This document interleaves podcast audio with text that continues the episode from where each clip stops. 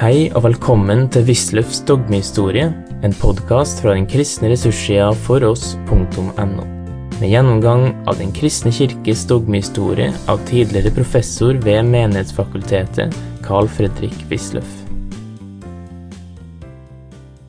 Om eh, Marias eh, ubesmittede unnfangelse, som var like i forveien her, 54, og likeså langt senere dogme om Marias eh, opptagelse i himmelen i 1950, så er det en uttrykkelig eh, definisjon. Eh, så da, Det er jo klart at det er ex cathedra. Men for øvrig, ja, det har jo vært noe diskutert.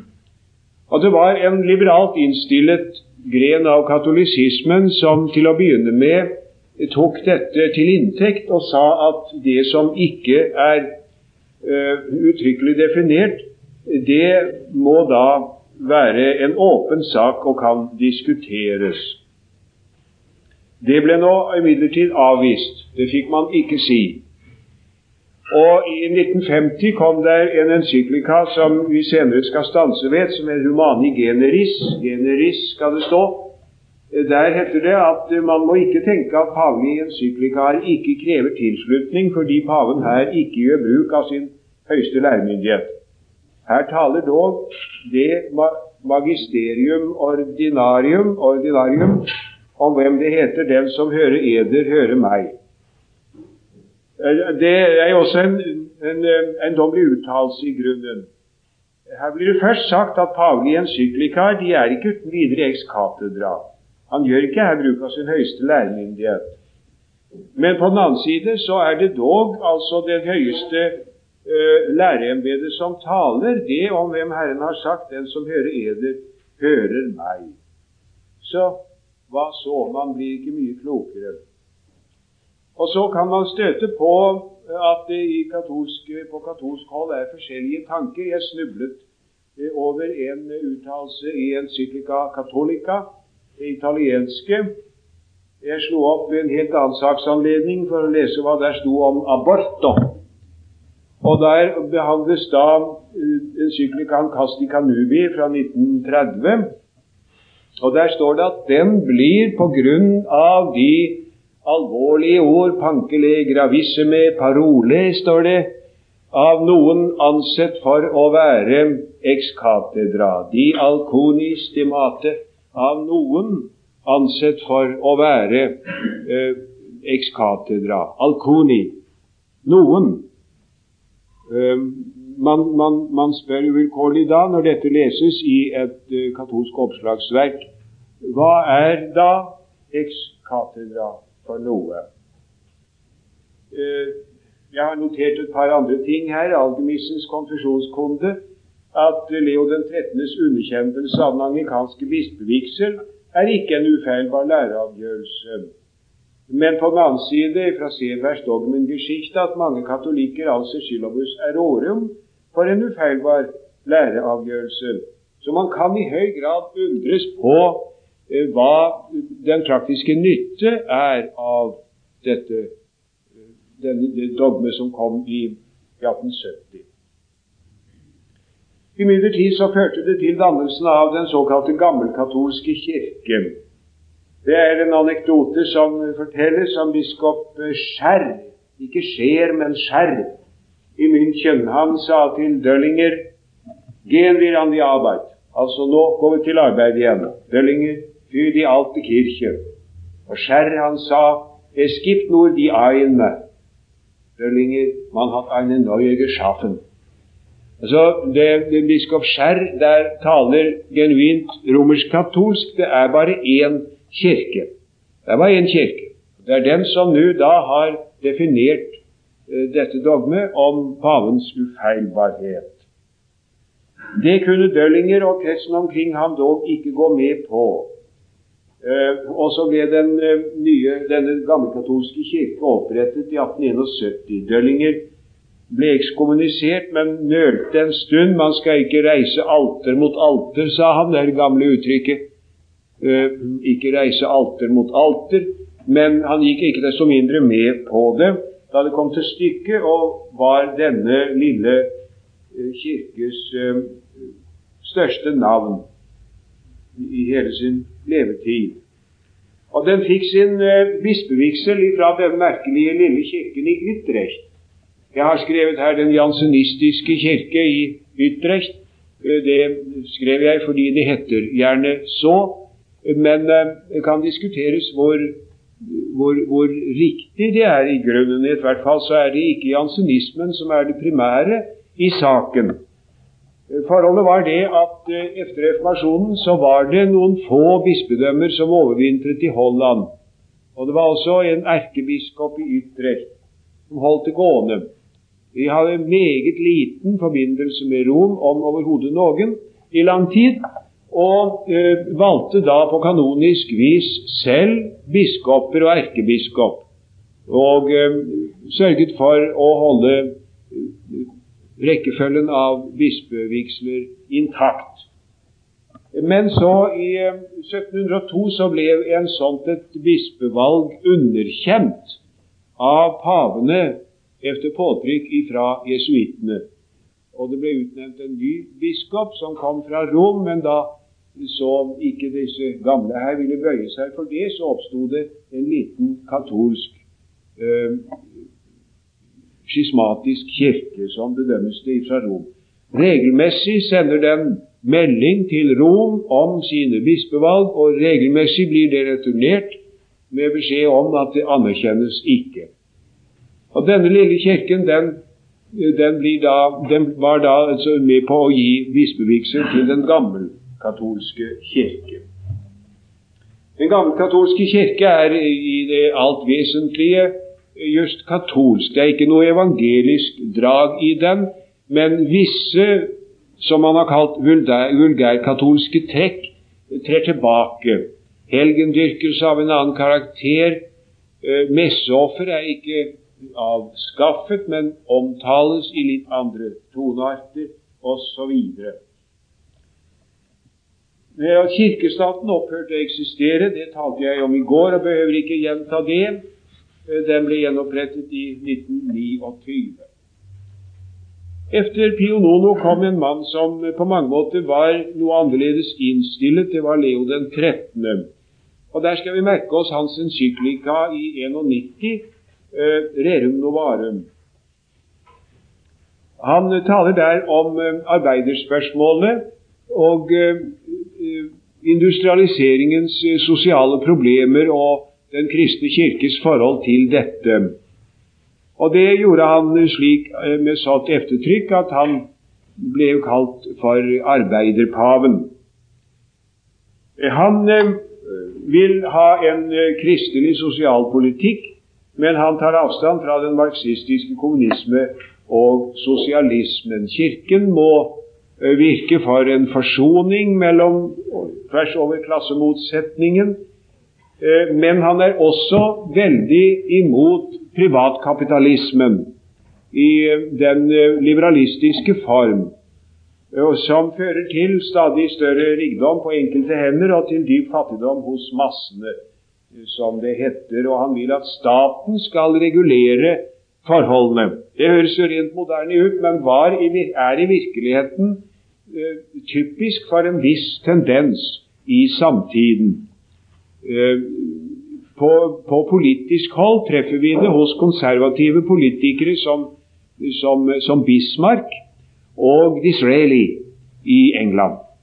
Disraeli er jo da eh, konservatismens mann, selvfølgelig helt og fullt, og dog er han som har tatt initiativ til en del reformlover eh, og eh, til å klippe klørne på kapitalismen i noen grad. Eh, Bismarck hadde også interesse for en sosiallovgivning som kunne ta vinden av seilene for, for sosialismen, som han selvfølgelig var veldig nervøs for.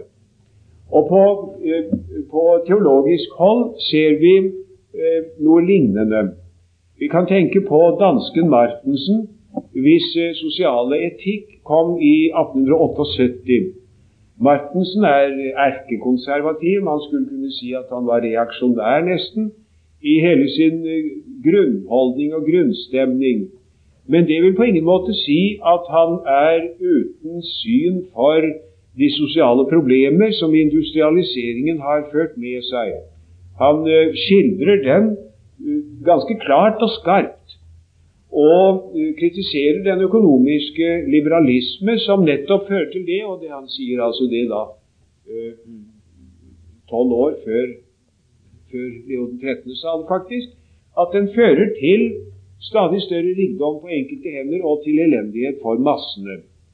Og denne frie konkurranse, som er den økonomiske liberalismes løsen, free, free enterprise, er jo, sier Martensen, i virkeligheten ikke noe annet enn at uh, den sterke får lov til å gjøre som han vil med den svake. Så denne ytterst konservative teolog var for uh, at staten skulle gripe regulerende inn. Eh, I Norge, hvor vi ikke hadde noen originale tenkere blant teologene, har Martensen slått inn, og da typisk nok hos de konservative, og da hos den betydeligste av dem, nemlig biskop Høek, hvis eh, bok om vantroen, vantroens vesen, i, eh, i, i 82 Eh, er sterkt påvirket av Martensen. Så, så, vi står her overfor et drag i samtidens eh, åndsliv, kan man si, både på politisk område og på teologisk, kirkelig. Det blir ikke noe dårligere av den grunn for paven, men denne sammenheng må vi ha for øynene hvis vi skal forstå det. Dermed kommer vi nå til det eiendommelige fenomen som heter modernismen. På, eh, på, på eh, protestantisk hold taler vi om liberal teologi, og på katolsk hold taler vi om modernisme. Det er i virkeligheten to uttrykk for den samme tidstendens. Den liberale teologi var jo en eh, retning i det 19. og 20. århundre som vil forlike kristendommen med vitenskapelig Eh, anerkjente aksiomer og resultater. Den er i grunnen en apologetisk retning. Den vil vise tenkende mennesker i samtiden at kristendommen på ingen måte er foreldet, sånn som det, dens kritikere hevder, men når den bare blir rett forstått, eh, også eh, av største verdi for moderne mennesker. Det gjelder bare å forstå den rett, og den tolkning som da gis, tar utgangspunkt i Eh, den moderne vitenskapsbegrep. Man får vanskeligheter derfor med underet, og der er gjerne et større eller mindre moment av kritikk av det gammelkirkelige dogme hos den liberale teologi. Og det var jo dette siste som førte til de veldige kamper bl.a. i vårt land fra århundreskiftet omtrent også fremover. På samme måten så eh, opptrer det en modernistisk retning, som sagt, innen den katolske kirke. Jeg har tatt et par-tre navn av dem som det kan være grunn til særlig å nevne. Det er den tyske professor Hermann Schell, professor i Würzburg. Han hadde en sånn en eh, sterk følelse av eh, det han kalte at katolisisme var inferiør. Inferiør, altså lavtstående. Han led veldig under det inntrykk at i Tyskland så var liksom det som hadde med vitenskap og med filosofi og, og kunst stort sett å finne utenfor den katolske kirkes område. Det var hos fritenkere, eller det var dog hos sånne som i hvert fall nominelt tilhørte det lutherske området, eller reformerte. Og denne inferioritet, inferioritet innenfor katolisismen led han voldsomt med ved å forsøke å, da, å gjøre noe med det der. Det, det, der kan man forstå når man tar for seg enkelte av tingene i samtiden. Og La meg her bare nevne som eh, et eksempel den såkalte Taksil-skandalen, som var i 1890-årene. Eh, jeg velger den istedenfor å tale om eh, Dreyfus-prosessen, som er så godt kjent hvor jo også altså, den katolske geistlighet kompromitterte seg for alle tider ved å støtte ved å, å støtte armeen, som det heter, altså de høyere offiserer i den uh, Dreyfus-skandalen. Men det er så godt kjent. Isteden vil jeg nevne Taksil, som kanskje ikke er fullt så godt kjent. Det var altså en, en figur som opptrådte fra 1885 av med en del formentlige avsløringer av frimurerne. Han presenterte seg, han var katolikk da, og presenterte seg som en omvendt frimurer. Nå har paven alltid vært gal på klandestine societates, som det heter. Jeg nevnte det i går. Det er fordømt i Syllabus Arorum i 1864, hemmelige selskaper. Så han har aldri likt, aldri likt uh, frimurene. Det har nå forresten det protestantiske kristne heller ikke gjort. Men uh, denne Leon Taxil han kom og med masse avsløringer. Og dette ble verre og verre ettersom han, den ene boken etter den andre kom. Og Det virker som om han altså anstrengte seg til det aller ytterste for å prøve å se hvor langt han kunne klare å få dem med på kroken, og det var veldig langt, altså. Paven mottok ham i privat audiens, og det var stor stas. Og hva var det han da fortalte? Jo, han fortalte at frimurene de driver satansdyrkelse. Og de detaljer som han der kom med, var i sannhet egnet til å forferde hvem som helst hvis man trodde på dem, og det gjorde man da. Og Han uh, fortalte bl.a. om en engelsk dame som heter Miss Diana Vaughan, som uh, også hadde vært uh, borti dette her, men som altså heldigvis var reddet. Hun hadde vært et slags satanistisk medium, men måtte nå holde seg, i, holde seg skjult, så han kunne ikke oppgi hennes adresse, men det kommer av det at frimurene efterstreber alle som er farlige, og snikmyrder dem, osv., osv., osv. i det uendelige. Masse smør som de bet på, og, og paven ikke minst. Og så uh, var det en stor kongress i 1896 i Wien hvor Leon Taxil skulle tale, og det gjorde han så det ble husket lenge, for da avslørte han hele humbuggen. Og under ubeskrivelige scener hos de tilstedeværende fortalte han altså at han hadde holdt på i over ti år med simpelthen å skrøne i sammen, inntil fatet var fullt, som det heter i eventyret om å gjete kongens hare. En utrolig, en utrolig skandale som man skrev om og snakket om i det uendelige i Europa på den tiden. Nå er jeg for lengst glemt, men, men det, det varte lenge før man glemte. Og det var jo eh, liksom egnet sammen med andre ting til å gi det inntrykk at, som Herman selv sa, det, det er noe inferiørt ved det hele. Overtro og mangel på kritisk sans. Og Dette led disse menneskene ved og ville forandre på det. Deres svakhet var imidlertid at de gikk samme vei omtrent som ja, i det vesentlige samme vei som de liberale teologene innenfor, innenfor eh, protestantismen, med samme utgangspunkt og med til dels samme resultat i det det gammelkirkelige dogme på den måten kom under, under, under kritisk belysning. Det gikk galt med Skjell. Han ble forfulgt. Hans bøker kom på indeks, og, og, det var en feil historie. Og Så er det en enda mer kjent mann, franskmannen Alfred Loisy, som tok opp den moderne bibelkritikk. Han skrev i 1902 boken 'Evangeliet og kirken', og der står dette at Kristus ville Guds rike, og isteden kom Kirken. Kirken settes liksom på eh, lavere plass. Det blir nesten som et ersatsprodukt på en måte. Han ville, gå, han ville imøtegå faktisk eh, Adolf von Harnacks bok 'Das Wesen des Kristentums'. Harnacks bok 'Das Wesen des Kristentums' var det eh, mest uh, utpregede eh, produkt av den liberale teologi.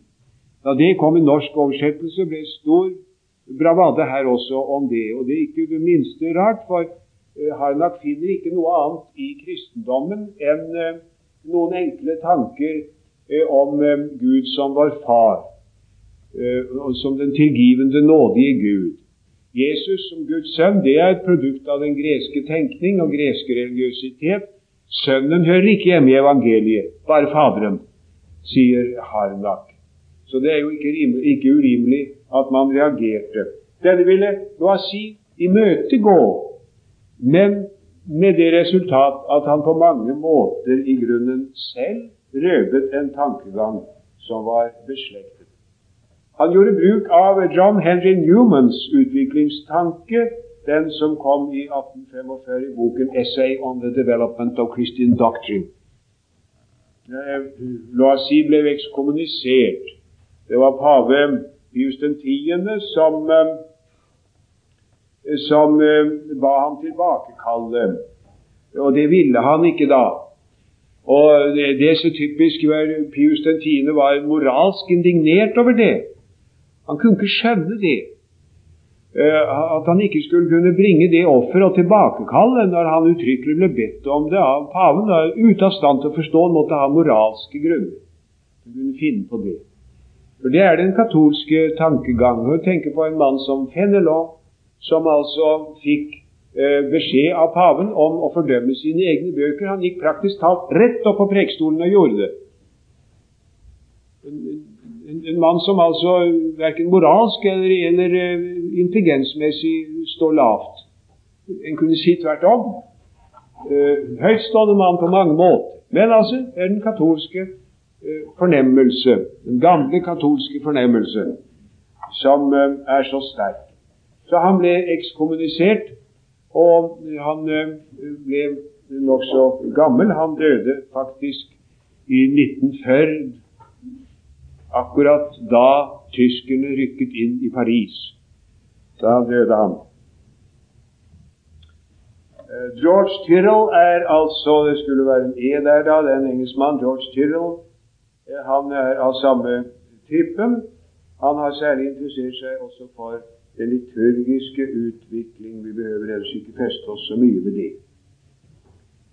Altså Leo den 13. Han var eh, jo altså på mange måter moderne innstillet, og dog var det i hans tid at Leon Taxil-historien utfoldet seg. Så det, det, det, hadde to sider, det der.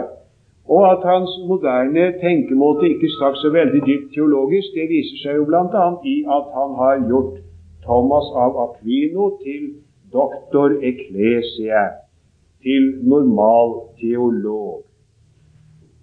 Eh, det er altså da den eh, skolastiske problemstilling og også problemløsning som er det, det bærende.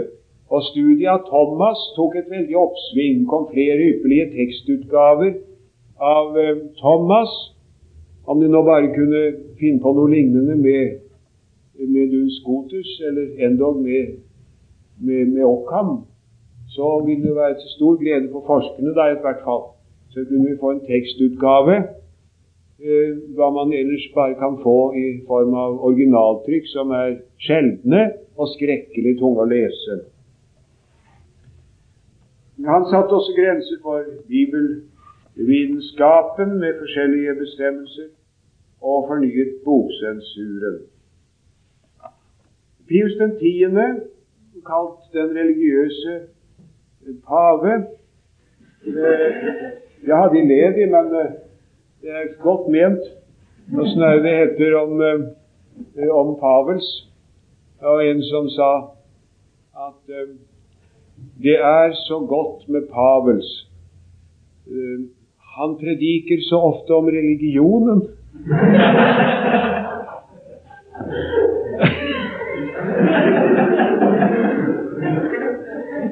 Det var godt ment, det òg. Men altså, meningen er eh, den mann som altså eh, er eh, sterkt innstillet på det religiøse liv, og det skal jeg straks komme til. Men foreløpig hans kamp imot den, den modernistiske teologi. Jeg kommer tilbake med det liturgi og kirke musikk og slikt noe, men det med modernismen vil vi nevne her. Han har kommet i 1907 med en syllabus lamentabili og en encyklika pascendi domini gregis. Han, han, fremstiller der modernismen som et sammenhengende system. Eh, historisk, filosofisk og, og, på alle måter. Det, det er sammenheng i tingene, og det, det har sitt utgangspunkt i agnostisisme og ender i ateisme. En, en avsløring, altså, og veldig kamp imot, imot den. Og eh, så Senere så kom modernisteden. Det var i 1910. Eh, den bekjenner, Der skal man altså sverge at man holder seg til lamentabili og passendi domini gregis og forkaster modernismen i alle former. Den er meget utførlig. Det er en ed som alle prester, alle lærere for ungdommen, og selvfølgelig også alle teologiske lærere, eh, skulle avlegge ved tiltredelse av et embete. Den ble avskaffet i 1967, men men da den kom, så betydde den, etter hva man trodde i hvert fall, eh, modernismens død og undergang. Det var ikke noe mer, mer med det. Benedikt den 15. Uh, han hadde den vanskelige jobb å være pave under første verdenskrig. Det var nok ikke lett. Og så kom den uh, bearbeidelse av den kanoniske rett i den utgave som fremdeles gjelder, Jo Codex Juris Canonici, i 1917. Eh, Pius den 11. Det har jeg nevnt at da ble altså kirkestaten opprettet. Mussolini fant det gunstig å få en ordning med paven, hvilket han da også fikk. Eh, jeg har nevnt med det samme her Pius den 12. Uh, Eugenio Pacelli. Italiener han også, selvfølgelig. Han hadde vært nuntius i Berlin. Han var kirkens leder under den annen verdenskrigs mange vanskeligheter. Han var eh, på flere vis en ganske fremstående mann. Eh, en høy, eh, slank, veldig fin skikkelse. Han imponerte med sine veldig omfattende språkkunnskaper talte til pilegrimsskarene som jo kommer i den store audienssalen eh, på, på, en rekke språk, og var i det hele tatt eh, veldig en fin forgrunnsskikkelse som de var veldig stolt av. Ustanselig var det tale om hvilken betydelig mann og hvilken stor mann han var.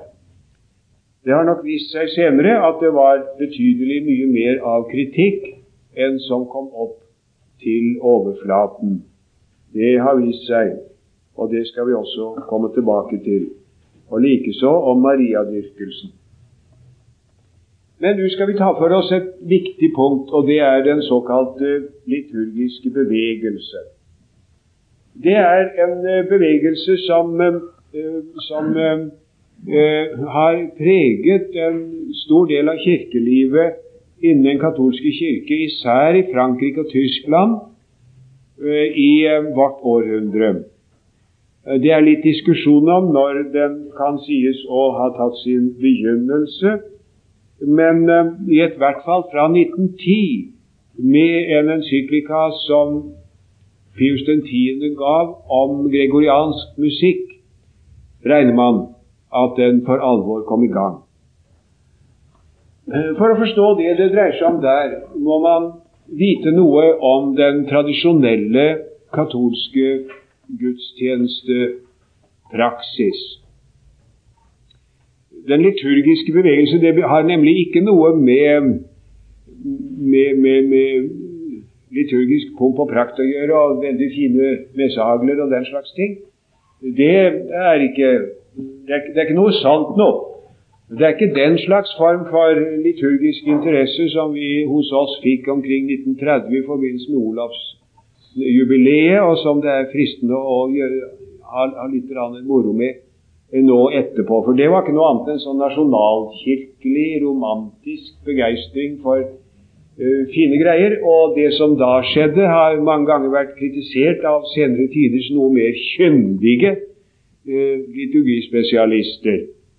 Han f.eks. den tilbøyeligheten til å ha to prester for alteret. Det var stor, høy mote i min ungdom. Så hun kommer inn på begge sider sånn, og gikk aldeles altså som dokker opp, aldeles likt som. Og, og, Tanken synes da å være den samme som hos den rike bonden oppe i Trysil, som hadde ett piano på hver side av døra inn til spisestuen pga. symmetrien. Det,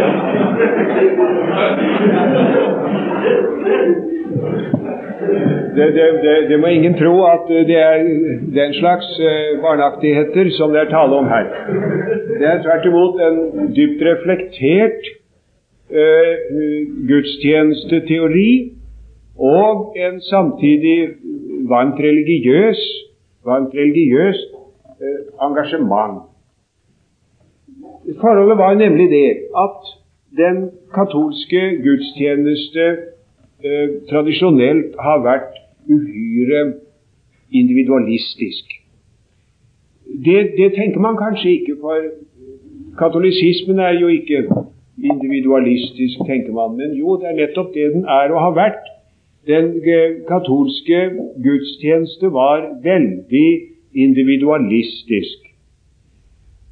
Det, det, kan man jo se, det har man jo kunnet se i et katolsk miljø. Man kan se det i Italia, ikke minst. Hvordan det der går for seg. Der kommer folk inn under messen, og så har de med kanskje sin egen lille messebok som de sitter og eller kneler og leser i, mens presten leser eh, messen der oppe ved alteret eh, på latin. Og eh, på taust eh, Det skulle jo være eh, de kanonstille, som tyskerne kalte det for, hvor alt var stille, og hvor presten leser disse bønnene som er det sentrale området i romermessen. Men all, mens dette foregår, så kan man lese sine egne bønner, eller det kan komme inn en en mann og, og preke, f.eks., mens presten forretter altertjenesten, for å bruke vårt uttrykksmåte. Det har jeg selv sett, har jeg selv sett mange ganger.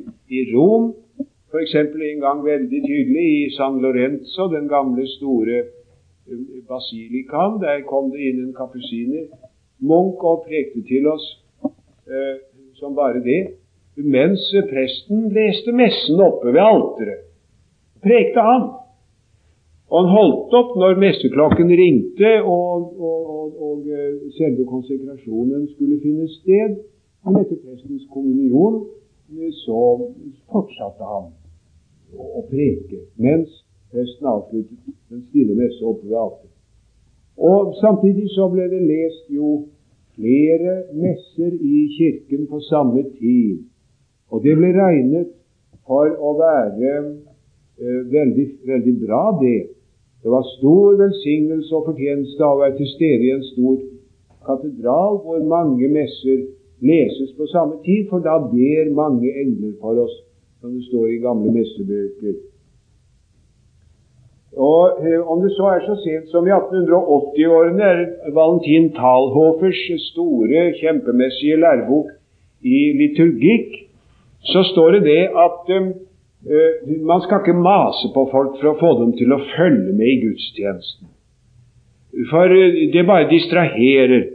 Og det, det er mye, folk har mye mer utbytte av å lese i sin egen bønnebok og be sine egne bønner og anstille sine egne fromme betraktninger mens eh, altertjenesten går sin gang. For det er jo ikke sant en handling som hviler i seg selv Gentinekonsilet fordømte uttrykkelig den påstand av Luther at det er galt at presten står der alene og leser i vinkelmessig. Jo, det er ikke galt.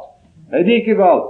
For det er en handling som hviler i seg selv. Det er en offerhandling av presten, så det er fullt gyldig. Sånn tenkte man da. Og mot dette er det at den moderne liturgiske bevegelse innenfor Romkirken har reagert så voldsomt. Og Det var et uttrykk av Pius den tiende som han der til stadighet gjentok, og det er det som jeg har skrevet av her. Du skal ikke bede i messen, Du skal bede messen. Altså, På bakgrunn av hva jeg har antydet, vil de forstå hva tankegangen er. Å bede i messen, dvs. Si at man er til stede altså mens det, presten leser messe. Men, men, så ber man da sine egne bønner. En her, og en der. Veldig individualistisk. Men du skal bede messen. For messen er nemlig en gudstjenestefeirende menighets felles handling. Felles handling. Det er det store ord. Og Tyske benediktinere med klostrene Bayron og Maria Lach som sentrer har arbeidet veldig med dette. Og man har til dels, ja, ganske stor utstrekning her under den teoretiske tilretteleggelse gjort bruk av religionshistorisk materiale. Det finner man f.eks. hos Odo Kasel. Odo Kasel, som vel var den største teoretiker, han eh, gjør bruk av eh, disse tankene som de vil kjenne, antar jeg, fra gammeltestamentlig eh, bibelteologi, og fra det de har hørt og lest om f.eks. Mowinckels eh, teologi ikke sant, og religionshistorie. De har lest om denne forestillingen om skapende drama. Eh, Gå ut fra at det er, er noenlunde kjent. Forestillingen altså om uh, nytten som den uh, nytteforsamlingen så å si agerer. Og ved at f.eks. en primitiv stamme agerer og fremfører nytten, eh, så, så holdes verden oppe, faktisk. Og, og, så kommer det regn, og årstidene veksler, og det blir grøde på marken, og eh, kveget trives og formerer seg, osv., osv. Men hvis ikke dette gjøres, så faller det ned. Og Mowinckel gjør jo på sitt vis bruk av sånt religionshistorisk materiale som vi vil vite. Og det er interessant å se hos Odo Kaser at han eh, meget tidlig tar i bruk eh, Mowinkels psalmenstudien fra 20-årene i sine drøftelser. Han skrev masse bøker. De kritiserer også veldig det som de har kalt for den gotiske religiøsitet. Nå, Gotikken har jo vært beundret voldsomt. Og den gotiske katedral har tidligere jo vært sett som det liksom fornemste og høyeste uttrykk for den middelalderlige fromhets skapende evne. Det mener disse menneskene egentlig ikke. Med all respekt for gotiske katedraler som arkitektoniske mesterverk, så er det dårlige kirker, mener de. Det er helt misforstått. Sånn skal ikke en kirke se ut. Og der kan de snakke omtrent som man skulle tro at det var en lutheraner om å ha en kirke som egner seg til en forsamling.